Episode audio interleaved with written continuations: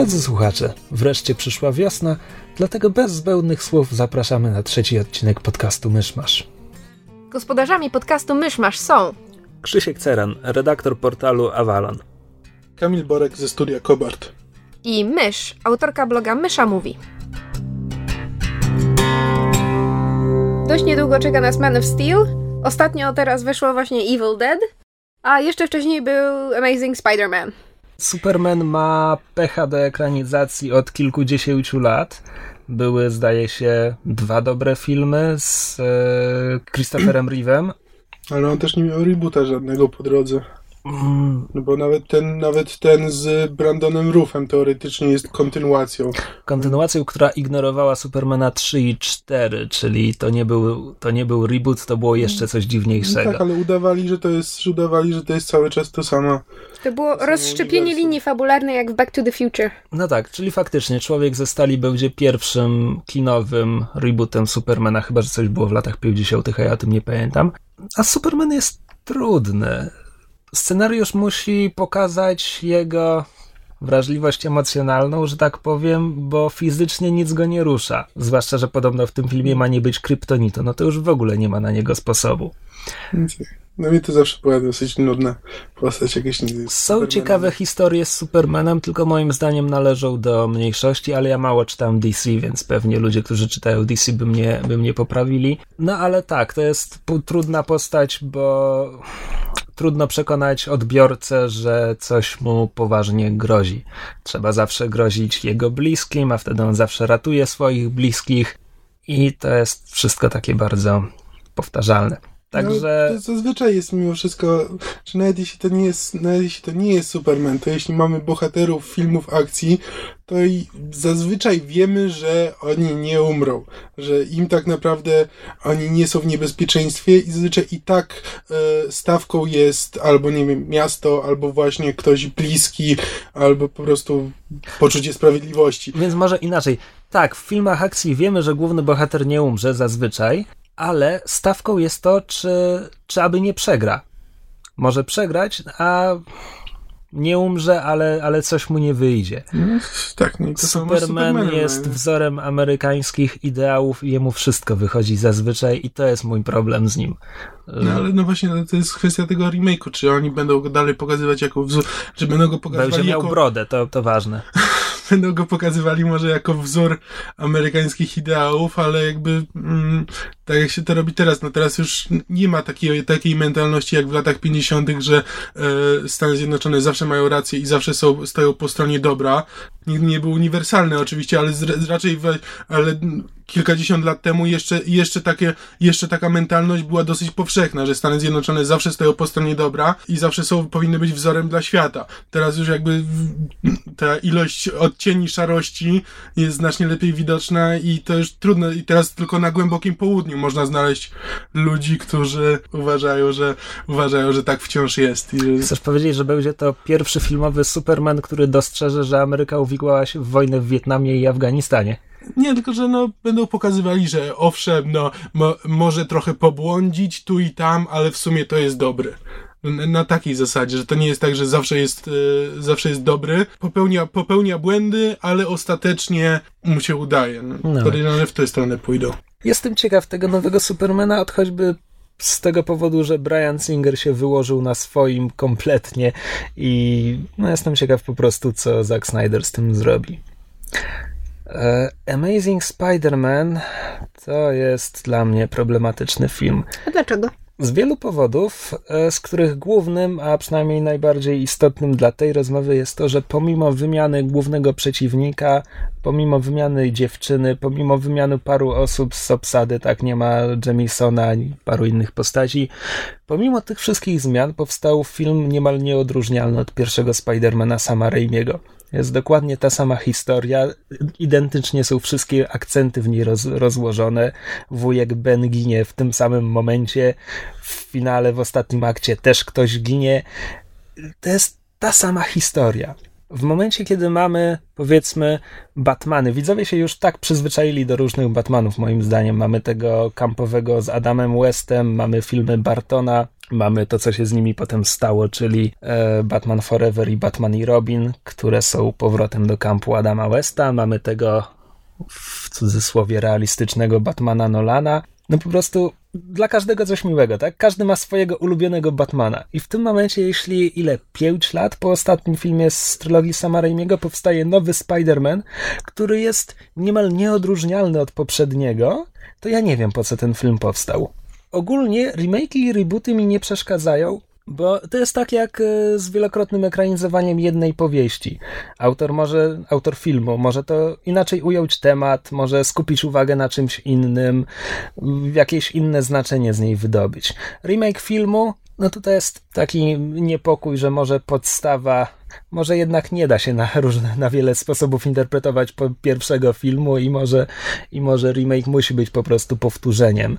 Ja tak nadzieję, jak... ja cały czas mam nadzieję, że ten wątek ojca Petera wyniknie z niego coś ciekawego, bo to jest zasadniczo cała podstawa stworzenia tego remake'u jest to, że teraz chcą się skupić na, na historii, e, historii rodziny Parkerów, i tego, co się, y, z tego, przynajmniej z tego, co słyszałem, to, że jakby te, te y, badania ojca i cała tam tajemnica tego, co się tam z nimi stało i dlaczego, ma być, ma odegrać dużą rolę w późniejszych filmach. Peter no, znajduje te z, e, badania z ojca, te wszystkie zrównania, to co on tam odkrył i że coś tam się dziwnego na pewno wydarzyło, ale nie jest jeszcze pewien co. Jeśli z tym zrobią coś ciekawego, to będę w stanie wybaczyć pierwszemu filmowi, ale jeśli będą to tak ciągnąć właściwie nie wiadomo po co, no to wtedy rzeczywiście ten cały, ten cały reboot był e, bez sensu zrobiony. To znaczy, ja nie wiem, czy mam tyle, tyle litości w sercu dla tego filmu, co ty, no bo faktycznie ten, że to miała być ta nieznana historia, no i ci rodzice Parkera to jest właśnie te, ten nieznany element, tylko że jeśli to jest tylko zapowiedź przyszłych filmów, no to ja powtarzam pytanie, po co mamy ten film? Okej, okay, dorosło nowe pokolenie, które miało powiedzmy 4-5 lat, kiedy tamte Spider-Many były w kinach, więc to przegapiło. No ale czy to naprawdę jest powód, żeby po raz kolejny pokazać origin, czyli początki bohatera, jak zdobywam moce, jak pierwszy raz zakładam maskę, jakby? Batman Bartona zupełnie się bez tego obył. Batman to Batman, robi to, co robi. Okej, okay, mieliśmy zabójstwo rodziców, ale to był dosłownie no jest to po prostu powiedziane, a to nie jest tak, że pół filmu jest poświęcone pokazaniu, jak ten człowiek staje się superbohaterem. Ja jestem temu filmowi w stanie wybaczyć tylko i wyłącznie dlatego, że no, mimo wszystko mi się go dobrze oglądało. Mimo tam wszystkich zastrzeżeń, które mam i tego, że może jako reboot on nie do końca jest potrzebny i może nie robi tego najlepiej, to mi się ten film dobrze oglądało i przynajmniej nie, e, nie muszę po raz kolejny oglądać Tobiego Maguire'a, który jako Peter Parker zawsze mnie denerwował. On mnie nie e, denerwował jako Peter Parker, mnie denerwował jako Spider-Man, że nie ma zmiany między nim jako Parkerem, a jako Spider-Manem. Jak zakłada maskę, powinien być kimś innym. Pewnie też, ale nie, on mnie, on mnie nawet jako, jako Peter denerwował. No, i był zbyt ciapowaty. Dokładnie. I zupełnie, zupełnie mi nie pasowało i przynajmniej mogę obejrzeć jeszcze raz Spidermana pierwszego, tylko tym razem nie ma w nim Tobiego Maguire'a i są ogólnie lepsi aktorzy. Faktycznie duża zaleta. I tak, i to jest dla mnie zaleta i dlatego jestem temu filmowi w stanie wybaczyć potem, jeśli zrobić z, z tym coś ciekawego. Drugi mój główny zarzut dla tego filmu to jest to, jaki on jest wtórny. Nie tylko wobec Spidermanów Raimiego, ale cały finał tego filmu, wszystkie niemal wypowiedzi e, padające z ust bohaterów, to są klisze, rzeczy, które słyszeliśmy w filmach akcji. Tak, nie powinieneś był tu przyjść sam. Ktoś wyważa drzwi, przeładowuje shotguna, on nie jest sam. Naprawdę? To w latach 80. w filmie ze Schwarzeneggerem to przejdzie, ale nie teraz. Tak, tak. Znaczy mi się ten film oglądało do trzech czwartych może wciąż dobrze. Rzeczywiście końcówka jest przesadzona końcówka i ma być tylko, tylko do tego, marna. że ile razy może postać w pozycji autorytetu umierać w tym filmie. No umiera wujek Ben, który był dla niego jak ojciec, po czym umiera ojciec jego dziewczyny, który był też dla niego trochę jak ojciec, tylko bardziej srogi. E, trochę jako taka postać bardziej, auto, bardziej autorytarna, ale też jakby dla niego coś, coś znacząca pewnie. No a doktor e. Connors, który przez moment też był dla niego a, trochę tak. jak ojciec, okazuje się zły, ale potem okazuje się jednak dobry, a potem ląduje w więzieniu. Nie, tak. Nie ten film Andrew Garfield jest fajny i mam nadzieję, że w kontynuacji, którą teraz kręcą, scenariusz będzie trochę bardziej dopracowany. Zgoda. No to co? A Evil Dead? O reboocie Evil Deada nic nie powiem, bo nie oglądałem oryginału. Możesz na mnie obrazić teraz. Nie, ja się na ciebie nie obrażę, bo Kamil dopiero niedawno mnie zmusił, żebym obejrzała pierwszego Evil Deada. Historycznie śmiałam się przez cały film. Najbardziej chyba przez scenie gwałtu przez drzewo. Bo to jest taki idiotyczny pomysł, że po prostu należy się z tego śmiać. Jeżeli ktokolwiek weźmie ten film na poważnie, nie tylko ze względu na jakby jego sposób nakręcenia i zamiar, ale chociażby nawet już na samo to, co widzi na ekranie, nie można tego filmu brać poważnie. A co do remake'u, mój problem z remake'iem, do którego widziałam na razie tylko chyba dwa trailery, polega na tym, że on jest zbyt prawdziwy.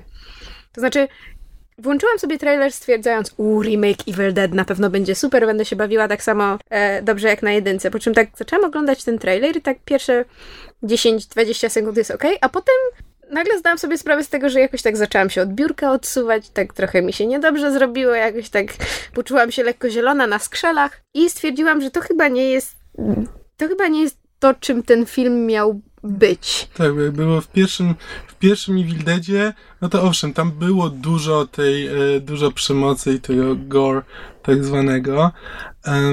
Przy czym no to był film z lat 80., więc to wszystko wyglądało jak finałowa scena poszukiwaczy zaginionej arki, no, jakim spływają twarze i zostają czaszki. To oglądasz to, ale nie jesteś w stanie się tego szczególnie bać. Jest to obrzydliwe, ale, ale cały czas widać, że to są lalki, że to są, to są tylko z, No jakieś efekty tak, specjalne. to są tylko efekty, tak, że jakby fizyczne efekty specjalne. Nie? Kwestia w Evil Dead w remake'u jest taka, że yy, ja obejrzałam trailer i trailer mnie ruszył. Przyznaję, bez bicia ruszył mnie w tym takim niepozytywnym stopniu i ja dopiero po obejrzeniu trailera zaczęłam doczytywać i się dowiedziałam, że yy, zamierzeniem reżysera, którego imienia teraz nie pomnę, ale chyba jakiś, yy, nie, nie Hiszpan, ale jakiś obco, obcokrajowiec w każdym razie, yy, jego zamierzeniem było, y, żeby w filmie nie było praktycznie żadnych efektów specjalnych cyfrowych za, żeby nie było żadnego CGI. To Więc się chwali. Wszy, to, to się, idea się chwali. Właśnie, że na tym właśnie stały oba Tak. Evil Deady. że właśnie Co to nie było- zmienia faktu, że kiedy zdałam sobie sprawę z tego, że wszystko, co zobaczyłam przed chwilą w trailerze, zostało niejako zrobione na planie, na serio, nagle mi się zrobiło jeszcze dwa razy bardziej niedobrze. Bo po prostu ten trailer naprawdę jest ciężki i ja.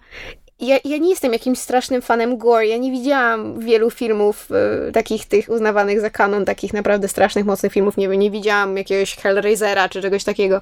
Ale mimo wszystko myślałam, że mam dużą tolerancję na tego typu zagrania, a, a ja chyba nie obejrzę tego remake'u Evil Dead. Nie, nie, nie, nie strzymam po prostu. Że ja też tak jakoś...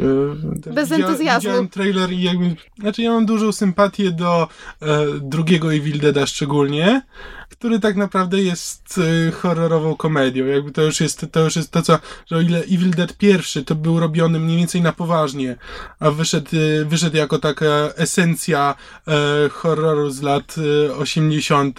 i może wczesnych 90. i z tego powodu i teraz go oglądając jest trochę śmieszny, to Evil Dead drugi był już stworzony z zamierzeniem takim, że ma być zupełnie przesadzony i to już jest taki trochę, trochę film akcji, trochę horror, trochę komedia. Ale nadal, ale nadal jest to na tyle, na tyle urocze i na tyle fajnie się ogląda Bruce'a Campbella, że bardzo, bardzo dużą sympatią e, darzy ten film. Trzeci Evil Dead to już jest, dalej próbowali pójść tę przesadę i wrzucili to w średniowieczne, w średniowieczne klimaty. e, Przeskoczyli to- rekina.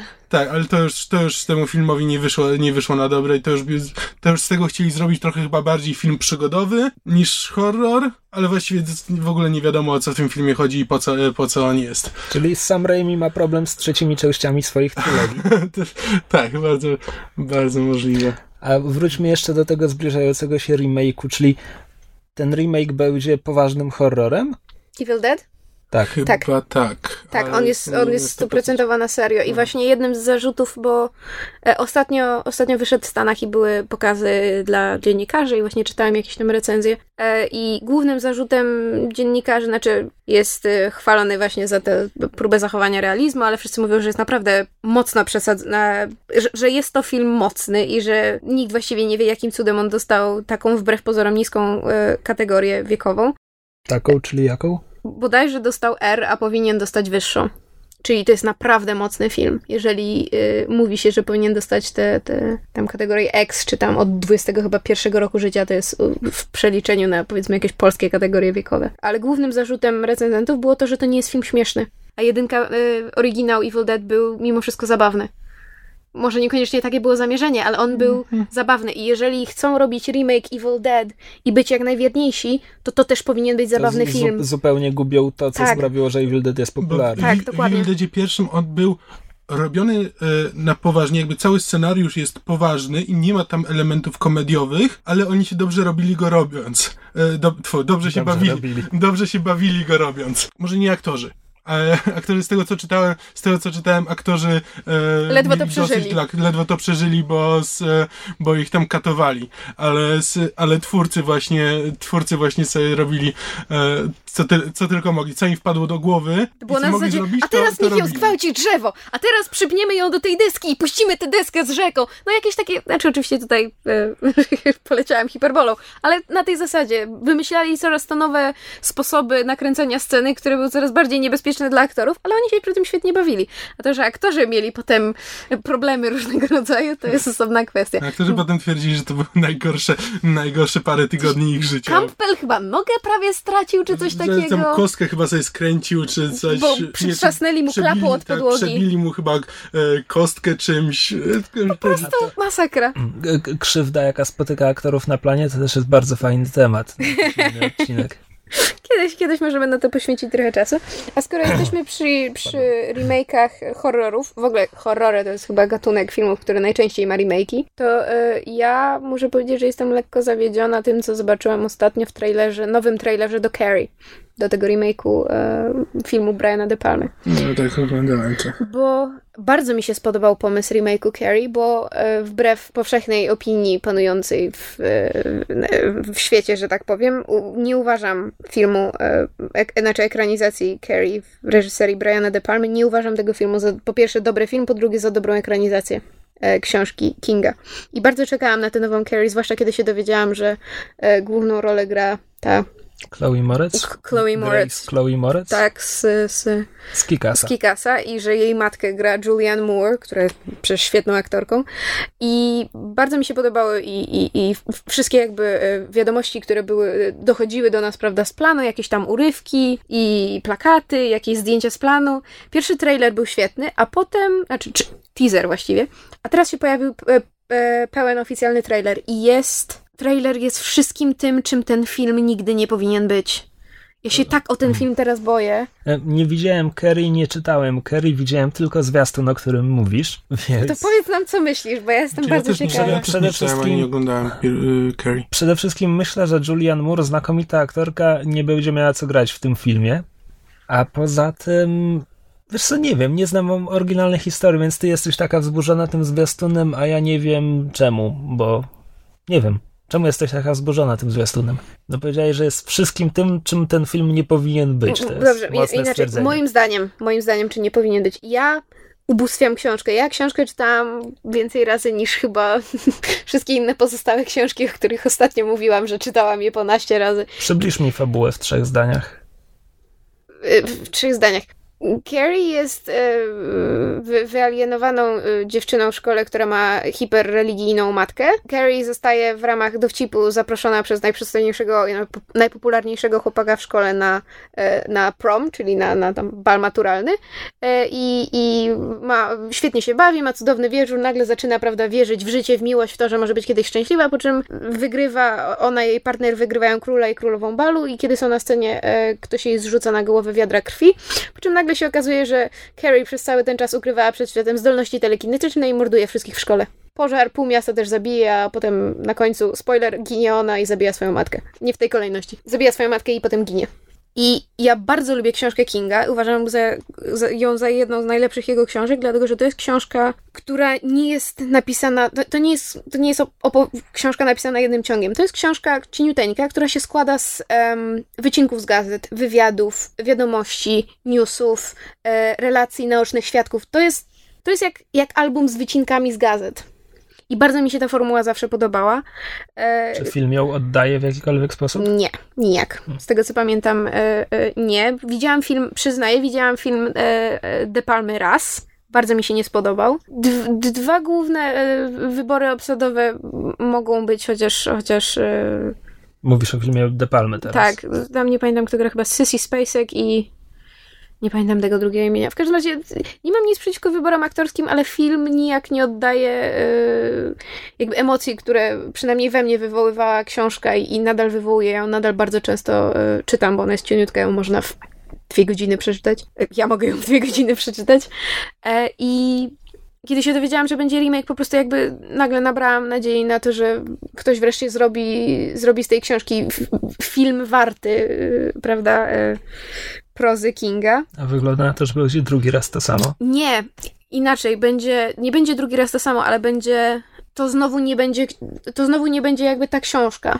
To będzie owszem historia Carrie, ale opowiedziana bardzo współcześnie. Ja nie mam nic przeciwko temu, żeby film był umieszczony we współczesnych realiach, a jest to jest w porządku, ale jakby z tego, co widziałam w trailerze, tam e, było przedstawione, że że Carrie się wszystkim naokoło chwali tym swoim talentem, że rozmawia na ten temat z mamą, że ona go tak strasznie ćwiczy i właściwie to jest praktycznie X-Menem i że trudno było pokazać, że ona jest wyalienowana, bo Chloe Moritz, nieważne jak ją zbrzydzisz, to ona i tak jest śliczną dziewczynką, więc cały wątek tego, że Carrie jest brzydka i przez to się z niej naśmiewają, w ogóle padł kompletnie. Julian ona, Moore, być, ona jest brzydka w książce. Ona jest, tak, tam się z niej śmieją, że jest, że jest tłusta beka sadła i właśnie między nimi ona dlatego jest oblana e, świńską krwią, że się śmiali, że to jest adekwatne, bo to jest świńska krew dla świni i tak dalej, i tak dalej. Więc e, w ogóle ten aspekt jakby e, odpada. Julian Moore w tych, tych paru scenach, które miała w trailerze też jakoś tak, owszem, udało jej się oddać te, ten religijny fanatyzm, ale on nijak nie był przerażający, a w książce on jest absolutnie upiorny i nagle z tego trailera, jeżeli ktoś nie zna książki i nie zna poprzedniego filmu, może wynieść, że to jest film o zbuntowanej nastolatce, która odkrywa w sobie telekinetyczne moce. A nie to dla mnie jest istotą książki, bo w tym momencie już nie mówię o filmie De Palma. Jakby nie, nie o to chodzi. I sama końcówka trailera, gdzie jakby widać część tej masakry, którą Carrie potem rozpętuje, to jest właściwie tak odstaje od tego, co do tej pory widzieliśmy w tym trailerze, że wydaje się jak pasować jak pięść do nosa. Jakby to były dwa zupełnie osobne e, filmy. No, pozostaje nadzieja, że no tak. zwiastun został zmontowany przez speców od marketingu, a film będzie bliższy książki. Więc podejrzewam, że w którymś z naszych późniejszych odcinków y, mysz będzie się pastwić nad filmem, jeżeli się nie okaże nie po mojej myśli. No ale to w, w niedalekiej przyszłości. Nie okaże nie po twojej myśli. No.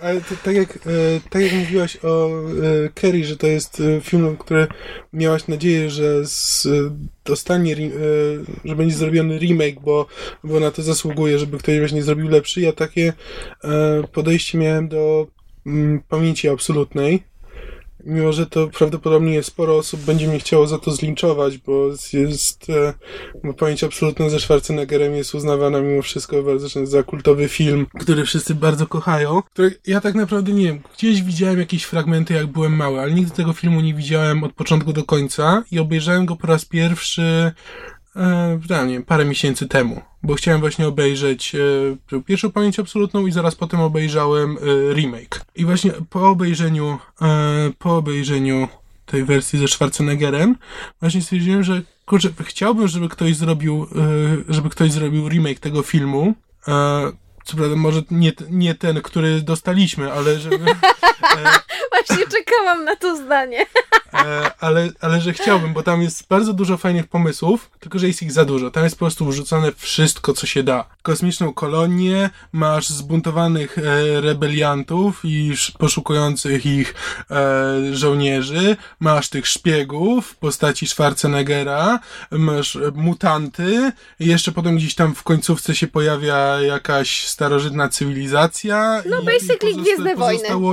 No i manipulacje pamięcią chyba też są dość ważnym wątkiem. No tak, ale w każdym razie tam jest rzucone wszystko i wiele z tych wątków, no, e, nic nie wnosi. No to, że, to, że Kłatu, jak się potem okazuje, to jest jakiś mutant, który tak naprawdę wyrasta z piersi innego mężczyzny, no nic temu filmowi nie daje. Poza tym, że to jest dziwne, może trochę śmieszne, e, nie wiem co, ale no nic, nic nie wnosi poza tym, poza tym, że jest dziwne. Już nie mówiąc o tym, że Schwarzenegger no nie jest, nie jest dobrym aktorem.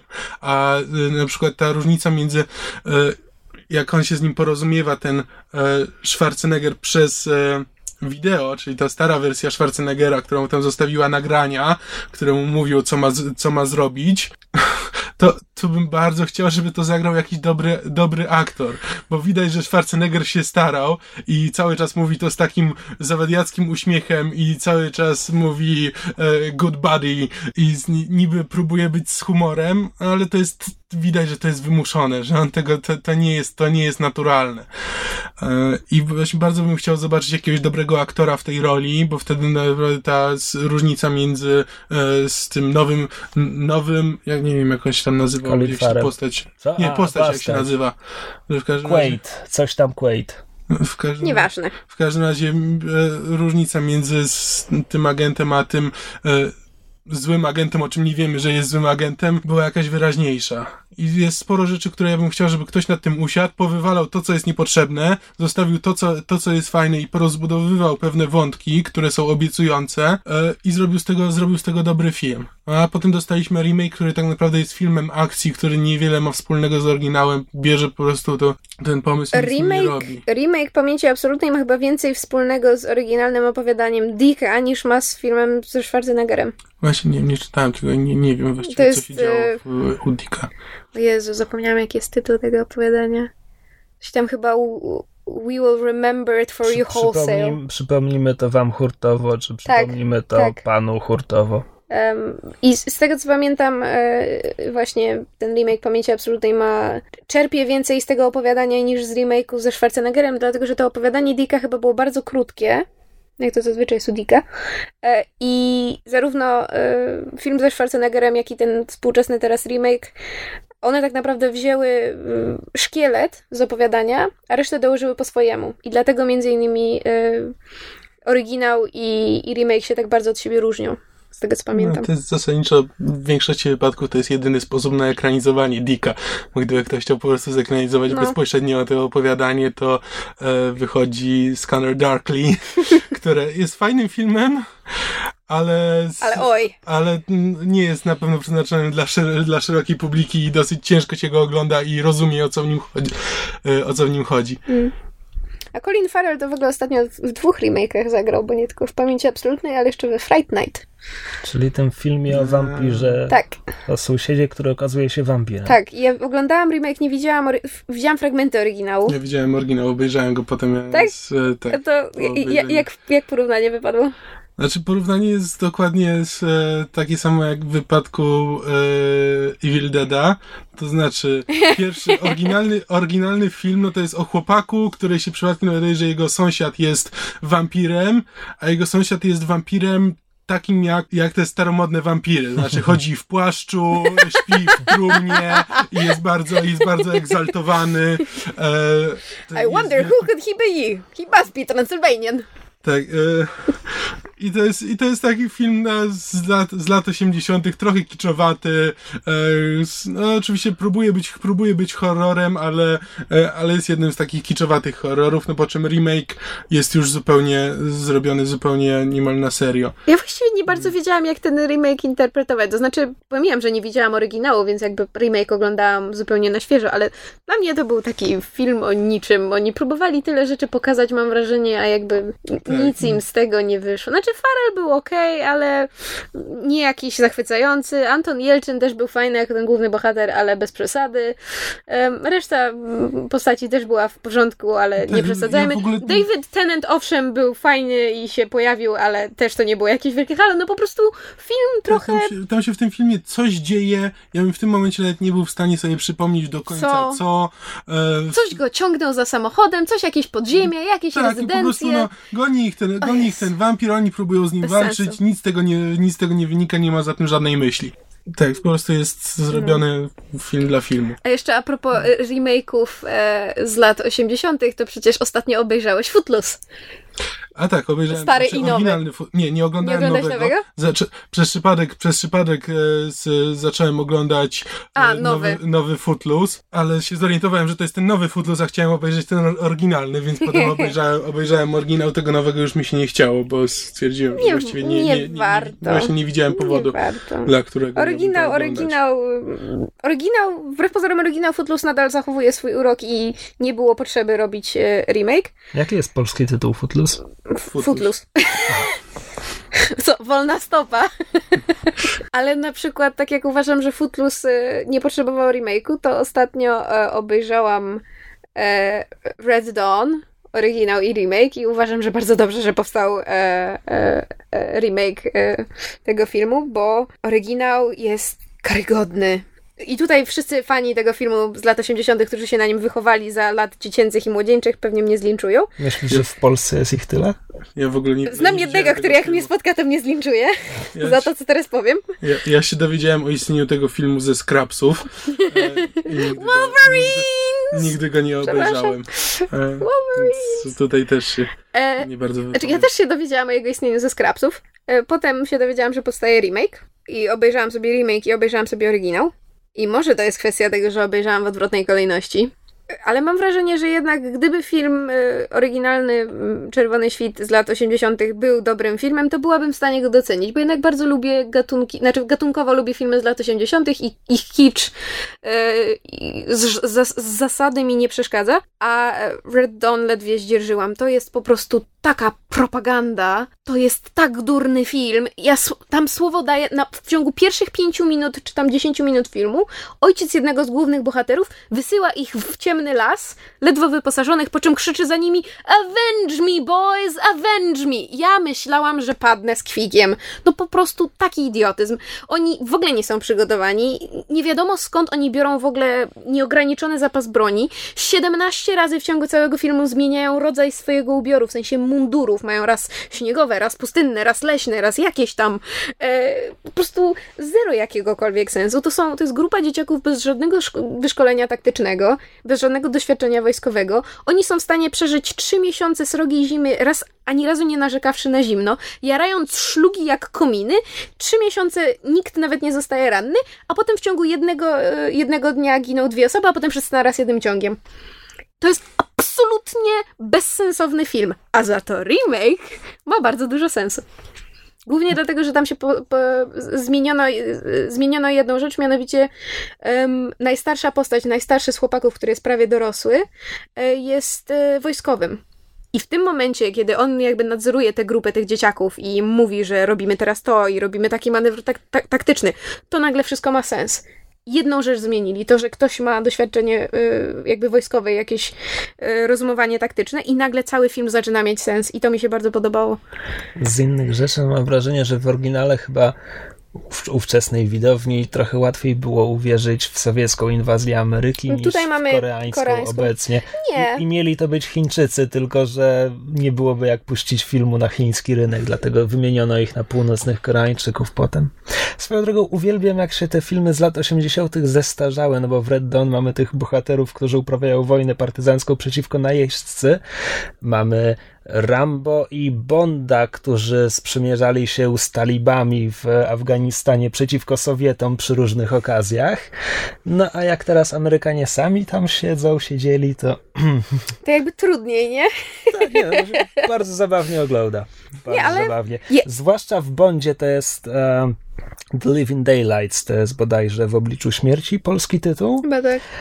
E, gdzie, tak, gdzie pojawia się przywódca tych mujahedinów, e, który tam odebrał edukację w Oksfordzie i w ogóle taki Chyba wschodni gentleman. No. Nie, ale po prostu... Chyba pojawia się też wątek, że Amerykanie im dają pieniądze i broń, także... No cóż. No, ten, ten... Niektórzy z tych mujahedinów rzeczywiście się z, e, szkolili w Europie i w Stanach. No, e. tak, tak. A potem walczyli z tymi Amerykanami, nie, którzy tak, nie, nie, A nie, ja mówię, że na uniwersytetach w, w Europie i w Nie, Stanach. no oczywiście. No, a co do filmów, które nie wiem, czy zasługują na remake, skoro y, też żeśmy krążyli wokół tego tematu, ja bardzo bym chciała przez sekundę chociaż wspomnieć o Jumanji, o planowanym remake'u Jumanji. Dlatego, że dla mnie to jest o tyle istotny film, że jest dowodem na mój bardzo y, specyficzny dwojaki stosunek do remake'ów, bo ja z zasady nie mam nic przeciwko remake'om, Chyba, że dotyczą filmów, które kocham. No i wtedy się pojawia problem. A Jumanji jest filmem mojego e, dzieciństwa i jest to film absolutnie przeze mnie ukochany, na którego, na, na które nie, nie pozwolę złego słowa na ten film powiedzieć. I bardzo się boję tego remake'u. Efekty specjalne się źle zestarzały. Nie. Znaczy właśnie o to chodzi. Dla mnie to jest film absolutnie bez wad. Owszem, ja wiem, że te efekty się zestarzały, ja wiem, że mogą być pewne wady, że aktorzy dziecięcy nie do końca się popisali w niektórych scenach, ale ja po prostu akceptuję ten film z całym dobrodziejstwem inwentarza i myśl o tym, że ktoś może go zniszczyć, mnie po prostu fizycznie boli. Zwłaszcza, że jeszcze nie wiem, kto jest w obsadzie. Jakbym wiedziała, kto jest w obsadzie, to bym od razu się uspokoił, dlatego że wiem, że obecnie w Hollywood i nie tylko jest grupa całkiem zdolnych młodych aktorów płci obojga, których z przyjemnością bym wbrew pozorom w tym remake'u Jumanji zobaczyła. Ale najpierw ja bym chciała wiedzieć, kto to będzie. Zwłaszcza, że też istotna jest rola, prawda, e, jakby główna, czyli kto zastąpi Robina Williamsa w roli tego, on się nazywał Peter Allen chyba. Możliwe. A czy Jumanji już nie miało remake'u, tylko że grali w jakąś kosmiczną grę planszową? To nie jest remake, to jest um, inny film oparty na książce tego samego autora, bo Jumanji i Zathu, Zatura, czy tam Zathura, e, to są według książek, teraz ci nie powiem oczywiście jak się nazywa, mhm. Christopher something something. Nie musisz mi mówić, Nieważne. jak się nazywa. E, są oparte na książkach tego samego aktora, autora, fu, autora. E, i, i nie mają właściwie nic wspólnego. Poza I, tą i grą planszową, z której wyskakują różne rzeczy, tak? E, chyba tak, chociaż nie jestem pewna. Znaczy, pojawia się tam gra, która zmienia rzeczywistość, ale nic więcej nie wiem, bo Zatury nie widziałam, bo jakby klimat kosmosu i science fiction skutecznie mnie odrzucił od tego filmu. Ale chyba go obejrzę, bo tam gra ten młody Josh Hutcherson. Hutchinson, nieważne. Skoro mówimy o remake'ach, pora na rebooty i pora na Star Trek. Star Trek jest dla mnie. Okej, okay, jeszcze raz. Ja chciałem zrobić z tym zdaniem. Star Trek jest dla mnie. Niczym woda. Jako ta, jako ta zorza na łące. Wśród fali łąk szumiących, wśród kwiatów powodzi. Omijam koralowe ostrowy. Dobra, dobra, starczy. starczy, starczy. Star Trek jest dla mnie fajnym rebootem, bo u swoich podstaw tej pokręconej historii on nie jest rebootem. On zachowuje poprzednie wydarzenia. No to jest oczywiście. poza, czasie, poza tak. science fiction trudno zastosować ten patent, tak, ale on zachowuje wszystkie oryginalne wydarzenia. W filmie jest powiedziane, że to, co się dzieje, to wydarzenie doprowadza do powstania alternatywnej linii czasowej, a to wszystko, co znamy z tych filmów i seriali, to się wydarzyło. Pozostaje w mocy i jest częścią tego świata. W Star Treku chyba już w oryginalnym, tak, już w oryginalnym serialu już w oryginalnym serialu pojawia się po raz pierwszy alternatywna rzeczywistość, gdzie tam oni wszyscy są źli i mają brody, więc e, Skojarzyło mi się community. No. Mm, to, Evil nawet. No właśnie. Trope. Ja nie wiedziałam. Ja nie oglądałam ten ja Star Trek TOS. You were saying. Tak, że alternatywne rzeczywistości to nie jest nic nowego w tym świecie. Więc jeśli ten reboot mówi po prostu tak, jesteśmy alternatywną rzeczywistością w ramach tej, tej wielo wielorzeczywistości serialowo-filmowej. Natomiast po pierwsze zachowuje szacunek dla oryginału, po drugie nie, nie, to nie jest reboot, że okej, okay, to jest prawdziwy początek, to jest ta prawdziwa historia, tylko to jest kolejna historia, to jest wersja tej historii. I to mi się podoba. Natomiast no, oczywiście to jest patent, który poza science fiction i filmami komiksowymi bardzo trudno zastosować. Tak, poza tym już go nie więcej nie zastosuje, bo to będzie zrzynka, z, zrzynka ze Star Trek. Znaczy, zastosuje pewnie, tylko że już nie zrobi że to żadnego wrażenia, bo to będzie po prostu zrzynka ze Star Treka i jakby to nie ma, nie ma wtedy tej... Znaczy, wiesz co, no w świecie, w którym to ma sens, nie widzę, nie widzę problemu, a to też nie jest przecież tak, że Hollywood ucieka od zrzynania. Nie, no tak. No nawet te rebooty DC, no to one też się jakby odbywają tam w ramach jakiejś wewnętrznej logiki tego Mówimy uniwersum. o komiksach teraz. E, o komiksach, tak. E, chyba. Znaczy, ja nie, nie, też się tym specjalnie nie, interesowa nie, interesowałem, tylko po prostu jak kiedyś mówiłeś o tym, że DC ma zamiar przeprowadzić taki re e, reboot, to tam co, coś o tym poczytałem, no i też jakby z, z, z tego, co kojarzę, to tam to, to się odbywa właśnie w ramach, w ramach tego, że w ramach tego eventu, że coś tam się dzieje w, w świecie, które doprowadza do tego rebootu. Już, już wiem, tak. Ten, ten ostatni w komiksach DC faktycznie tam było wydarzenie, które doprowadziło do powstania tego nowego świata. Różnica jest taka, że Star Trek przyjmuje do wiadomości tamte poprzednie wydarzenia. Mamy pokazany tamten świat w Star Treku, mamy przejście Spoka oznaczonego potem jako Spock Prime, czyli starego Leonarda Niemoja do nowego świata, który tam jest i który jest jakby powiedzmy spuścizną tamtego świata. On nadal żyje w nim a komiksy w DC, nawet jeśli z komiksów wypływa taki reboot, to potem to jest ucięte, nikt nic nie wie e, i jest nowy świat. Czyli jakby nie ma, nie ma, nie ma świadomości tej alternatywnej rzeczywistości. Tego nie, nie ma ma w ciągłości. Mhm. To, to właśnie mi się podobało w Star Treku, że to jest reboot, który zachowuje ciągłość z poprzednimi filmami. A co sądzimy o kolejnej części, o której coraz więcej wieści nam się pojawia i trailerów? Mówimy o oczywiście filmie o pięknym polskim tytule W ciemność Star Trek. O mój Boże, tak. Nie mówmy o tym polskim tytule, to jest... To znaczy tak, e, twórcy mówili, a mieli dużo czasu, żeby mówić, bo przecież jest 4 lata ró- różnicy między pierwszym Star Trekiem, a w ciemności Star Trekiem. Czemu to robisz? Przestań używać polskiego tytułu. E, mówili, że wzorują się Batmanami Nolana i że będą szli w kierunku Mrocznego Rycerza z tym nowym Star Trekiem. Pod jakimi względami? No, przede, Mroczności, że, że, że ma być... przede, wszystkim pod, przede wszystkim pod względem marketingu. Nie wiem, czy widziałeś pierwszy plakat Into Darkness. To jest Benedict Cumberbatch na tle zrujnowanego miasta No po tak. zamachu. E, z Jokerem były bardzo podobne. No tak, ale właśnie nie za bardzo rozumiem, na czym ma polegać ten związek z Batmanem. Znaczy, czemu oni chcą robić mroczniejszego Star Treka? Znaczy, nie wiem, kto ogląda Star Treka spodziewając się Mroku. poważnego mroku i no, no, cały ten serial był zbudowany na tym, że to jest utopijna przyszłość. E, I to jest zupełnie, zupełnie teraz odejście od tego, nie za, nie za bardzo rozumiem, czemu ma służyć. Tylko, tylko i wyłącznie marketingowi, bo ludzie wolą teraz oglądać mroczne historie e, niż niż, nie, no nie, nie chcę tego nazwać radosną historią, bo nie o to też chodzi, ale z, to jest tylko i wyłącznie dlatego, nie, nie, nie widzę w tym logiki, nie widzę w tym spójności z, e, ani z pierwszym ani z pierwszym filmem, ani w ogóle ze spuścizną po serialu. Przecież pierwszy film też był momentami wręcz komediowy. I nie za bardzo, i nagle jeśli teraz drugi film odchodzi zupełnie i idzie e, w stronę mroczności, Znaczy, ja nie wiem, czy on będzie tak nagle... w, cie, w ciemność. Czy on tak nagle będzie odchodził i szedł w ciemność. Czy on to tak będzie robił nagle? Bo, znaczy, owszem, trailery wydawały się stosunkowo y, takie bardzo pełne akcji, wybuchów i ojejku, wszyscy zginiemy, ale ja mm, pokładam, może niesłusznie, ale pokładam nadzieję w J.J. Abram, Abramsie, że on to jednak zrobi jakoś tak troszkę bardziej stopniowo. Zwiastuny sugerują, że tam w pierwszym akcie filmu dochodzi do jakiegoś strasznego wydarzenia na Ziemi, ataku terrorystycznego czy czegoś takiego, za którym stoi Sherlock, a potem film... A potem film już tylko idzie głębiej w tę ciemność, jako się rzekło.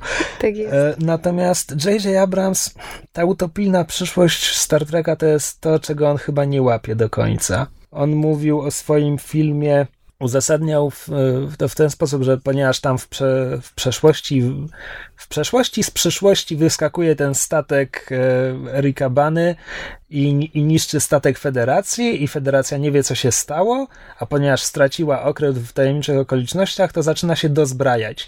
I dlatego w jego Star Treku te wszystkie okręty po pierwsze poruszają się jak myśliwce, po drugie mają absurdalną ilość baterii laserowych, rakiet, torped czy czego tam jeszcze. I no i to jest jego, on tak tłumaczy czemu, czemu czemu te okręty są inne niż w starym Star Treku, czemu to jest trochę bardziej nastawione na akcję i tak dalej. Natomiast pod względem właśnie tempa akcji, e, akcentów humorystycznych i tak dalej, jego Star Trek dużo bardziej przypomina Gwiezdne Wojny niż stare filmy ze Star Treka. No właśnie, dlatego trochę mi tego szkoda. Ja nigdy nie byłem fanem Star Treka, nigdy nie oglądałem Star Treka. Bym bardzo chętnie obejrzał film, w którym, e, w którym nie, nie liczą się walki tych statków, tylko mamy właśnie e, zespół, który schodzi na jakąś obcą planetę i ją odkrywa i z... There's a whole show about that. Nazywa się Stargate. Gdzie cały kosmos mówi po angielsku. Ja w każdym razie to odkrywanie, odkrywanie tego kosmosu, tak jak w Star Treku, to jest dla mnie ciekawy, ciekawy wątek, jakby, który zupełnie, zupełnie jest zgubiony w, e, w tym, w tym remake'u, a ja bym bardzo chętnie taką historię, taką historię zobaczył. No tak, w końcu hasło przewodnie to jest tak, lecą tam, gdzie nie dotarł jeszcze żaden człowiek, odkrywają nieznane światy i cywilizacje. Tak, w remake'u wszystko... Abramsa nie ma absolutnie nic tak, z tego. Tak, się wokół znanych planet e, i z... Znaczy nie ma, nie ma tego odkrywania. A jeśli sequel zaczyna się od ataku na Ziemię, to tym bardziej będzie się kręcił wokół Ziemi. No to... Tak, to jest, to jakby ten film nie ma nic wspólnego ze Star Trekiem. Ja je bardzo, znaczy je, no, bardzo lubię pierwszego Star Treka, nie wypowiem się na razie o drugim, wygląda fajnie i bardzo chcę go obejrzeć, Pójdziemy ale też z drugiej strony bardzo chętnie bym obejrzał z, e, reboot Star Treka, który ma więcej wspólnego ze Star Trekiem. Zróbmy go zaraz, Wiesz tak co? jak Spidermana. I Fantastyczną Czwórkę, ja która też szczerze, szczerze polecam Gniew Kana, bo on się dobrze starzeje. To nadal jest fajny film. Ja oglądałem go po raz pierwszy, nie wiem, rok temu czy dwa lata temu, bo też nie jestem szczególnym fanem Star Treka. Znaczy, w podstawówce oglądałem e, następne pokolenie z Patrickiem Stewartem i Voyagera z tymi ludźmi, których nazwisk nie pamiętam. E, I to właściwie tyle, tak? No i potem oglądałem filmy z, e, z Patrickiem Stewartem, które nie są zbyt dobre. On, on zaliczył jeden dobry film Star Trekowy chyba, a pozostałe kilka były złe lub znaczy, bardzo który... złe. Pierwszy kontakt jest, uwaga, z podróżami w czasie. Coś te Star Treki z podróżami w czasie dobrze wychodzą. Powiedziałeś, że właśnie e, ten reboot J.J. Abramsa pod względem jakby formuły przypomina Star Warsy. To teraz porozmawiajmy o Star Warsach. Piękne przejście. Cudowna kokarka, bardzo, nie sądzisz? nie sądzisz? Bardzo delikatne. Ale ja się w tym specjalizuję. to jest mój umysł, który działa jak kangur. Star Warsy! Rozmawiamy o Star Warsach! Delikatne przejście. Kiedy Disney zapowiedział, że nowe filmy powstaną, wymieniano bardzo wielu reżyserów, którzy mogliby się tym zająć i w tej ruletce było parę nazwisk, które wolałbym zobaczyć na fotelu reżysera niż Abramsa. Jak choćby? E, Matthew Vaughn, reżyser X-Menów pierwszej klasy, Kikasa, Gwiezdnego Pyłu. Scenarzysta Toy Story 3 pisze scenariusz siódmego epizodu Gwiezdnych Wojen, J.J. Abrams go wyreżyseruje, natomiast Disney zapowiedział już, że oprócz numerowanych epizodów będą powstawały pojedyncze filmy rozszerzające uniwersum, czyli wygląda na to, że chcą powtórzyć schemat z filmami na podstawie Marvela, bo się sprzedają. Hmm. I już zapowiedziano, że scenariusz jednego z nich napisze Lawrence Kasdan, czyli scenarzysta Imperium kontratakuje. I po tej informacji fani się bardzo ucieszyli. No i zobaczymy, może wtedy Matthew Van dostanie jeden do wyreżyserowania. On był podobny. Inaczej, chciałem powiedzieć, że był mocnym kandydatem, ale to może po prostu dlatego, że dużo plotek mówiło, że już został do tego wybrany i dlatego no. wydawał się mocnym kandydatem. Nie, tylko, że e, właśnie J.J. Abrams J.J. Ja Abrams... lubię i lubię jego filmy, ale, z, ale nie chcę mi się oglądać ich po raz kolejny. Wolałbym, żeby zrobili właśnie kogoś, kogoś, kogo nie znam, czy jakoś wykazać się czymś, e, z czymś nowym, pokazać, pokazać coś innego, jakoś puścić to w jakąś inną stronę, a nie wziąć faceta, który wyreżyserował ostatni, e, z, ostatni hit science fiction i wrzucić go, wrzucić go do tego, bo po co? Mhm. J.J. Tak, Abrams swoim Star Trekiem pokazał, że jest w stanie zrobić Gwiezdne Wojny, które będą bardzo gwiezdnowojenne, tylko, że to tak, będzie... Tylko, już je widzieliśmy. Tak, już je widzieliśmy w Star Treku. A ja mam takie pytanie, bo to jest dla mnie bardzo ciekawe. E, przepraszam, że przerwałam. Pomijając kwestię, kto będzie reżyserem, scenarzystą, czy będzie Expanded Universe i tak dalej, czy nie, jak wy się zapatrujecie na w ogóle dalszą trylogię, znaczy kolejną trylogię Gwiezdnych Wojen. Tak, tak stricte na zasadzie, mm, biorąc pod uwagę, czy, czy, czy, czy lubicie Gwiezdne Wojny, prawda, oryginalną trylogię i, i tę nową trylogię. Jakby w ogóle, Ja się, ja jako fani, jak, jak, jak do tego podchodzicie? Ja się bardzo ucieszyłem. Ja bardzo chętnie zobaczę te filmy i dla mnie to nie jest tak jak inni, że o Jezu, Profanacja. teraz tak profanacja i na pewno będzie, na pewno będzie do dupy, tylko staram się, staram się jednak mimo wszystko nastroić pozytywnie, że to może być fajne i e, oryginalna trylogia wciąż będzie dobra. Nawet jeśli ta nowa trylogia będzie, e, będzie się w niej pojawiać myszka Miki, to, to nadal tamte filmy wciąż będą dobre. One tutaj nic, nic nie zmieniają. Ja też się cieszę. Jest szansa, że te filmy będą dobre. A ja bardzo chciałbym zobaczyć kolejne dobre Gwiezdne Wojny. Jest szansa, że te filmy będą złe, no ale muszą powstać, żebym mógł się przekonać. Dokładnie. A kompletnie inna sprawa to jest, ile z tych sześciu epizodów Gwiezdnych Wojen to są dobre filmy. Ale naprawdę dobre filmy. Ja jestem fanem i lubię oryginalną trylogię, ale Nowa Nadzieja jest nudnawa. Oni przez godzinę nie, nie potrafią wystartować z Tatooine, a powrót Jedi już skręca ku temu infantylizmowi, który mamy w nowej trylogii. Także Znaczy- Imperium kontratakuje. Epizod, z którym George Lucas miał najmniej wspólnego, jest absolutnie najlepszy, dlatego ja mam bardzo dobre przeczucia co do nowych Gwiezdnych Wojen. Znaczy, co do powrotu Jedi, to zgoda. Rzeczywiście tam jest, tam jest już ten skręt e, w stronę Ewoków i, e, i robienia zabawek. E, ale nadal jakby Nowa Nadzieja była dla mnie fajnym film, znaczy Nie. fajną bajką tak naprawdę. Jak się nie traktuje tego jako poważny film, tylko właśnie taka z, e, opowieść trochę bajkowa w, w świecie science fiction, to, to nadal to jest bardzo fajny film. Ja bardzo, bardzo lubię Nową Nadzieję. Jest, Imperium Kontrataku jest lepszym filmem, trochę poważniejszym e, i lepiej skonstruowanym, ale właśnie, ale Nowa Nadzieja jako taka, jako taka mm, baja jest, e, jest w sumie jest bardzo fajna. Ja lubię Nową Nadzieję, tylko że to jest to jest ta space opera, czy ja to nawet nazywam space fantasy, bo tam Mhm. e, tylko podana w tempie science fiction lat 70., takich klasycznych. Która część Gwiezdnych Wojen jest lepsza? Nie, nie no, to, to, nie, to nie jest pytanie. Imperium kontratakuje. Nie ma dyskusji. Natomiast z, z nowej trylogii Mroczne Widmo ma Darfa Mola, który jest fajny, ma trzy sceny i wypowiada trzy ma, zdania. Ma, ma Qui-Gon znaczy... Ma Qui-Gon który jest fajny, ale z zmarnowaną postacią. Chociaż i tak w Mrocznym Widmie naj, najbardziej zmarnowany jest Iwan McGregor, który jest w ogóle odsunięty poza, poza kadr na, na ćwierć filmu, przynajmniej. A nawet kiedy jest na ekranie, to, to nie jest wdzięczna rola w pierwszym epizodzie. No W drugim epizodzie ten jego wątek, kiedy on się bawi w detektywa, to jest bardzo fajne. Tylko, że drugi epizod ma również wątek romantyczny Anakina i Amidali, który jest koszmarny i naprawdę trzeba, Tak, równie trzeba dobrze się... mógłby cię walić po głowie bukietem kwiatów, bo jest tak przesłodzony i zupełnie pozbawiony jakiejkolwiek subtelności i delikatności. Ale słuchaj, mógłbyś się bardzo starać napi- napisać gorszą scenę romantyczną niż e, scena balkonowa czy scena w sali kominkowej między tymi bohaterami i nie udałoby ci się. Tak, to, jakby Daniel Steele pisała scenariusz, to prawdopodobnie by była w stanie... e, Napisać to lepiej. Tak, No. a przynajmniej Ja nie tak łopatologicznie. Ja najbardziej, znaczy nigdy się nie zastanawiałam nad tym, którą część z nowej trylogii lubię najbardziej. Chyba rzeczywiście dwójka jakoś tak, mimo tego nachalnego wątku romantycznego, jakoś tak sporo się w niej działo i było fajnie, ale y, Iwana najbardziej lubię w trójce jednak, mimo wszystko. Ja Iwana najbardziej lubię w dwójce. Tam mi się jego broda bardziej podoba. Właśnie chciałam o brodzie powiedzieć, mi się w trójce bardziej podoba. Proszę Państwa, Iwana McGregora ocenia się tylko i wyłącznie po wartości jego brody.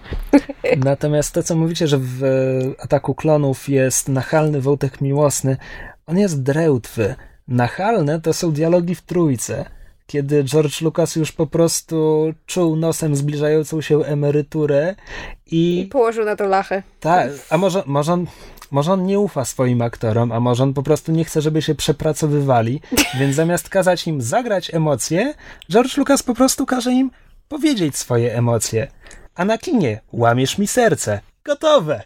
Koniec. Po co się przedełżać? And cut. Move on. Następna scena. Oszczędzasz na dobrym reżyserze. Wystarczy, że postawisz małpę za kamerą, która najedzie mu na twarz, jak będzie mówił, że, że mu łamie serce i, że, i koniec. Kliknij record. tak, teatr telewizji.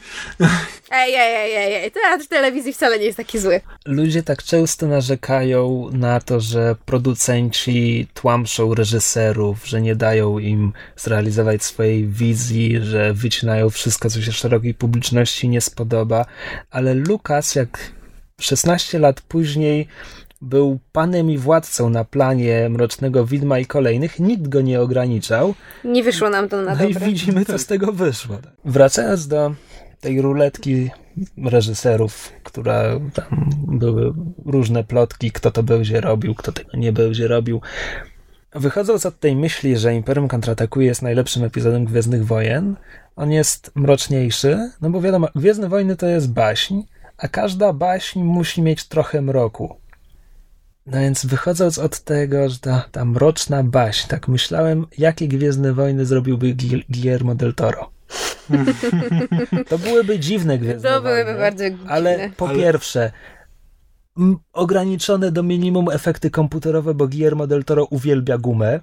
Czy dla mnie by było Kukiełki. świetne, gdyby Kukiełki. był jakiś e, epizod, na przykład jeden z tych standalone'ów, e, jakiś takich epizodów, który by na przykład dział się na e, Tatooine, czy nie wiem, Den of Scum and Villainy, gdzie masz po prostu pełno właśnie różnych obcych i właśnie kręcisz, kręcisz się wokół najdziwniejszych Scena w kosmitów, kantynie. e, to, e, to to mogłaby być scena, e, s- scena na równi z e, bazarem z Hellboya dwójki. Tak. Ja, ja mam bardzo za złe Lukasowi, że on tak poszedł w komputer.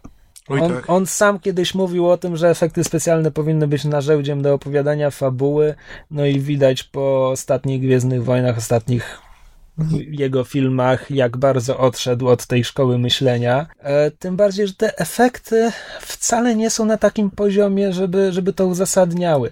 Komputerowo można wymalować krajobraz planety, owszem, ale kiedy te wszystkie postaci, ci kosmici są komputerowo, to tak widać. Po prostu nie ma tej fizycznej interakcji między aktorem a, a komputerowym kosmitą. I dlatego strasznie tęsknię za, za tymi gumowymi kosmitami ze starej trylogii. Ale wiesz co, to jest bardzo dziwne, dlatego że ja od paru lat oglądam taki jest amerykański em, reality show, em, nazywa się Face Off. E, Nic wspólnego z tym filmem z Travoltą i z Cage'em, ale jest to e, reality show w formie konkursu dla charakteryzatorów. I tam są tak cudowne charakteryzacje, że ja też się właśnie zaczęłam zastanawiać, dlaczego skoro jest taki talent, i to nawet nie tyle, w, nie tylko w Hollywood, ale jakby też wśród amatorów, skoro jest taki talent w tworzeniu charakteryzacji z, wiesz, nie tylko twarzy, ale jakby całych postaci, w ogóle kreowania postaci od zera, y, dlaczego się tyle, tyle komputerowo wykorzystuje? Bo jest taniej. Lukas, Lukas sfiksował. Lukas jak Wałęsa wymienił żonę na komputer. Przecież Jaki miszmasz. w prequelach e, w Ataku Klonów na pewno, a potem chyba w Zemście Sithów nie jest lepiej, klony są malowane komputerowo. Przecież wiesz, Gwiezdne Wojny, w których byli wszyscy statyści w pancerzach szturmowców, może nie wyglądali jak profesjonalne wojsko, no ale oni tam są na planie, to słońce odbija się na nich wrażenie. dokładnie tak samo jak na wszystkich rekwizytach i tak dalej. Pomalowani komputerowo, no to, to nie wygląda tak jak, jak powinno, jak w, rzeczywistości by to wyglądało i nie jestem pewien, czy kiedykolwiek będzie tak wyglądać, bo mimo wszystko bardzo trudne jest oszukać ludzkie oko, jeśli chodzi o takie rzeczy jak refleksy światła, jak e, fizyczne zachowanie, gdy przedmioty spadają, czy gdy je wybuch rozrzuca. No, Znaczy, ja nie wiem dlaczego mam o, o, o wiele, znaczy o wiele łatwiej mi jest zaakceptować efekty specjalne w filmach fantasy niż w science fiction. Nie wiem dlaczego.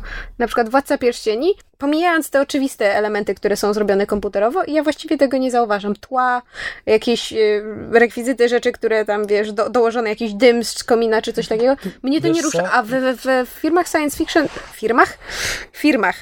w filmach science fiction jakoś nie wiem, czy bardziej zwracam na to uwagę, czy to jest ze względu na specyfikę jakoś bardziej się zwraca uwagę na właśnie wszystkie jakieś e, technologiczne nowinki, które pojawiają się na ekranie i łatwiej jest zauważyć, co jest właśnie zrobione komputerowo, bo nie dało się inaczej. Wiesz co, jeśli możemy konkretnie w tym momencie mówić o Władcy Pierścieni i Nowych Gwiezdnych Mhm. Wojnach, Jasne. to to jest dlatego, że Władca Pierścieni jest zrobiony lepiej pod względem efektów komputerowych, ponieważ ogólnie pod względem efektów specjalnych, ponieważ Nowe Gwiezdne Wojny polegały niemal wyłącznie na efektach komputerowych, a Władca Pierścieni mieszał je z klasycznymi gumowymi maskami, rekwizytami, e, z tak zwaną forced perspective, jak to jest? Wymuszoną perspektywą. To jest nazwa tego polska? Doj. No w każdym razie z, z takim klasycznym zestawem sztuczek filmowych z historii kina. I to wszystko zmieszane razem tworzy przekonywującą całość. A Gwiezdne Wojny, które są wymalowane komputerem, są Gwiezdnymi Wojnami wymalowanymi komputerem i wyglądają jak intro do gry komputerowej. Mhm. To Jasne. też może być kwestia tego, że w fantazy spodziewasz się, że to wszystko wygląda em, nienaturalnie, znaczy wygląda trochę baśniowo i jakby nawet jeśli to, to cię widzisz, że coś jest trochę nie tak, no to to ma wyglądać trochę jak malowany, jak malowany obrazek. A w science fiction, które jednak jest bardziej zakorzenione w tym, co znamy, e, jakby w, rzeczywistości, to natychmiast, natychmiast jak się pojawia coś co, coś, co wygląda nienaturalnie, to moim zdaniem bardziej kontrastuje z, z resztą. Ma to sens. Widzę w tym Możliwe. sens. Natomiast o ile według mnie efekty we Władcy Pierścieni są lepsze niż w Nowych Gwiezdnych Wojnach, to też nie jest tak, że do tego wszystkiego podchodzę bez zarzutu, bo na przykład Gollum, jego mimika jest fajna i Andy Serkins się popisał, ale w tej scenie w Powrocie Króla, kiedy sam się na niego rzuca i zaczynają się bić, to nie wygląda naturalnie. Ale e, pod koniec? W sensie już w, w Mount Doom, Nie, tak? kiedy, kiedy Gollum wrabia sama, że sam niby zeżarł e, wafle. No. Wafle.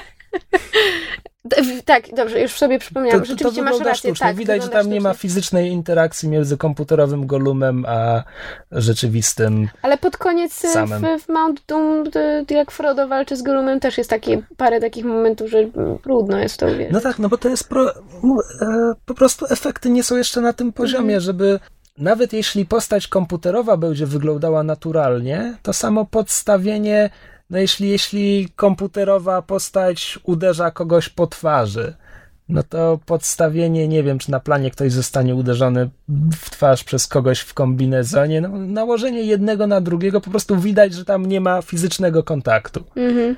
Pozostaje mieć nadzieję, że w jakimś stopniu da się tę przepaść między efektami specjalnymi a, a rzeczywistym, y, prawda, graniem da się jakoś. y, Przepaść da się e, zmniejszyć. Ale efekty komputerowe są na dobrym poziomie. No pewnie da się je jeszcze dopracować, żeby było łatwiej oszukać, ale moim zdaniem to jest tylko kwestia wysiłku i nakładów.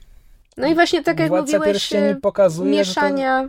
Mie, tak, mieszania Mieszania. tego z, z klasycznymi e, efektami specjalnymi. Ja dlatego nie, nie jestem jakiś, jakimś fetyszystą gumowym, ale jeśli na planie jest jeśli na planie jest człowiek w gumowym kostiumie kosmity, no to światło na planie dokładnie tak samo będzie odbijać się od, od niego, jak i, jak i od aktora. E, aktor będzie mógł utrzymać kontakt wzrokowy z tą gumową maską. Jak się będą bić, no to aktor będzie bił w gumową maskę. To wszystko dzieje się na planie i kamera to łapie. A jeśli to jest komputerowy kosmita, no to spec od efektów teraz musi udawać, że pada na niego takie samo światło. Musi się gimnastykować, żeby widz przez moment choćby uwierzył, że oni naprawdę się biją. Aktor, aktor musi udawać, że ten kosmita jest na planie. Aktor musi udawać, że wie, gdzie ma patrzeć. W ataku klonów są całe sekwencje, gdzie widać, że Obi-Wan Kenobi, Obi-Wan Kenobi rozmawia z tymi kosmitami, którzy robią armię klonów. Oni mają długie żyrafie szyje. Tak. I ja nie wiem, czy e, Lucas pomyślał w postprodukcji, że te szyje powinny być dłuższe, ale e, McGregor nie utrzymuje kontaktu Ta wzrokowego linia z wzroku kos- im się tak, rozjeżdża. Znaczy, wiesz kompletnie. to może jest właśnie, może to są kolejne jakby aspekty tego, że właśnie pod względem efektów specjalnych, jest tyle pojedynczych czynników, które muszą się zgrać, żeby efekt był wiarygodny, że nic dziwnego, że to się tak często właśnie rozjeżdża, bo sam mówiłeś, że prawda, aktor musi się postarać, grafik musi się postarać, reżyser też się musi postarać, e, a poza tym może rzeczywiście jest, jest coś w tym, że jeżeli film jest prawie cały malowany komputerowo, to to bardziej drażni niż jeżeli właśnie jest przemieszane z różnego rodzaju innymi trikami, bo to nas jakby e, rozprasza i też odwraca naszą uwagę i sprawia, że to nie jest takie, takie nachalne. Tak, no, no, miejmy nadzieję, że w, w tych najnowszych e, Gwiezdnych Wojnach, tych nowych, nowych, które teraz będą, że ktoś inteligentny się za to weźmie i właśnie jednak to trochę przemieszy, że to nie będzie tylko, e, prawda, malowane CGI. No, miejmy nadzieję. Natomiast ogólnie nowe Gwiezdne Wojny, No tak. dobra wiadomość, bo mogą okazać się dobre, a przecież wszyscy chcemy obejrzeć jeszcze nowe, dobre Gwiez- Gwiezdne Wojny. To ja teraz ucichnę, a chłopcy sobie pogadają o Lukaszarcie. Lukaszart. Lukaszart? No. Lukasz Arch. O co w ogóle chodzi? Bo ja nie czytałam newsów, ja się tylko wiedziałam, że ktoś coś zamknął i że wszyscy są smutni. Explain. Disney, który kupił od George'a Lucasa wszystko, Mhm. Zamknął studio LucasArts. Studio LucasArts y, wydawało gry komputerowe, a kiedyś również je samo robiło. A w ogóle zaczynało jako Lucasfilm Games w latach 80. Y, Jednym z pierwszych przebojów tego studia była gra na podstawie labiryntu z Davidem Bowie.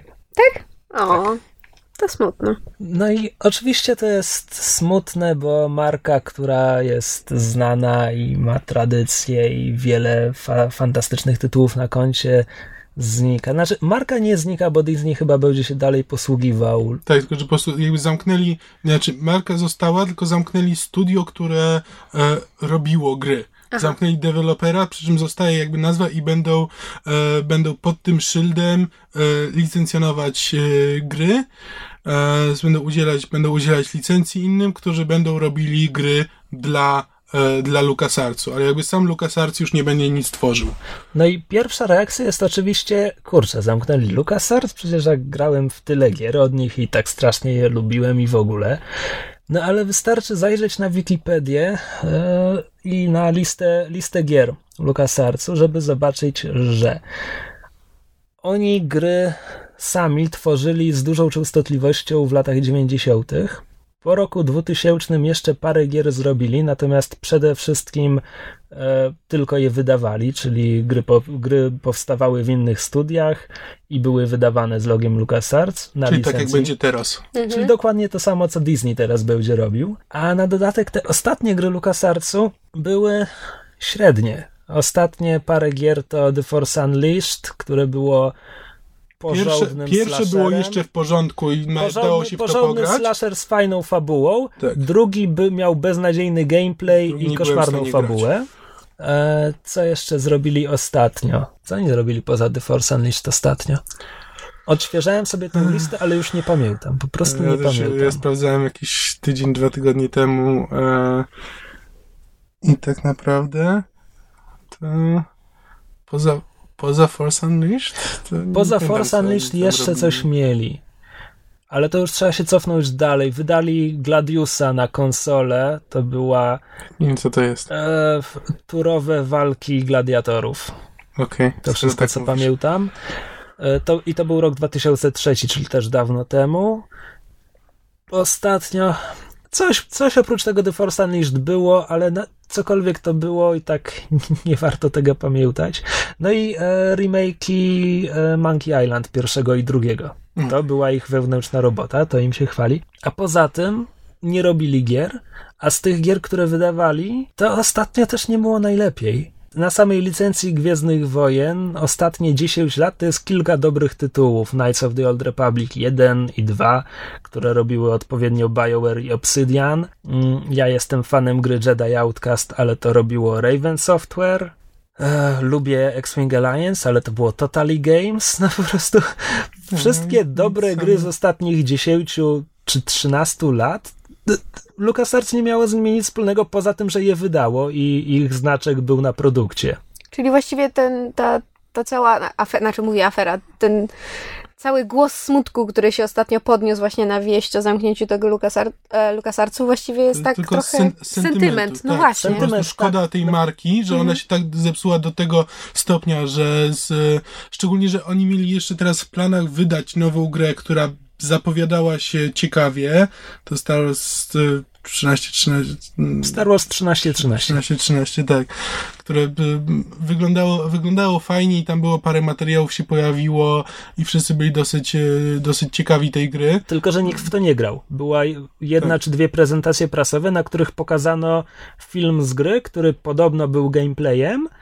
No ale z takim gameplayem można zrobić wszystko. Można dopracować Tak, ale grafikę. Aliens, e, s, ale, fu, Aliens Colonial Aliens Marines. Colonial Marines też były, też były filmiki, których nikt nie widział i nawet był grywalny kod, który wyglądał lepiej z jednego poziomu, który wyglądał lepiej niż potem skończona gra, bo się Także to 1313 mogło przerwać złą pasę LucasArtsu, ale nie musiało.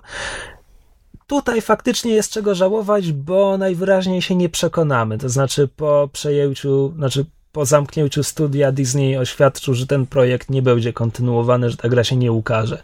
Może szkoda, a może to po prostu była kolejna zła gra i dlatego Disney nie chce jej wydać. Co prawda Disney wydał już wiele złych gier, więc nie wiem, czemu teraz miałby przestać. Natomiast e, żal po zamknięciu LucasArtsu to jest nostalgia.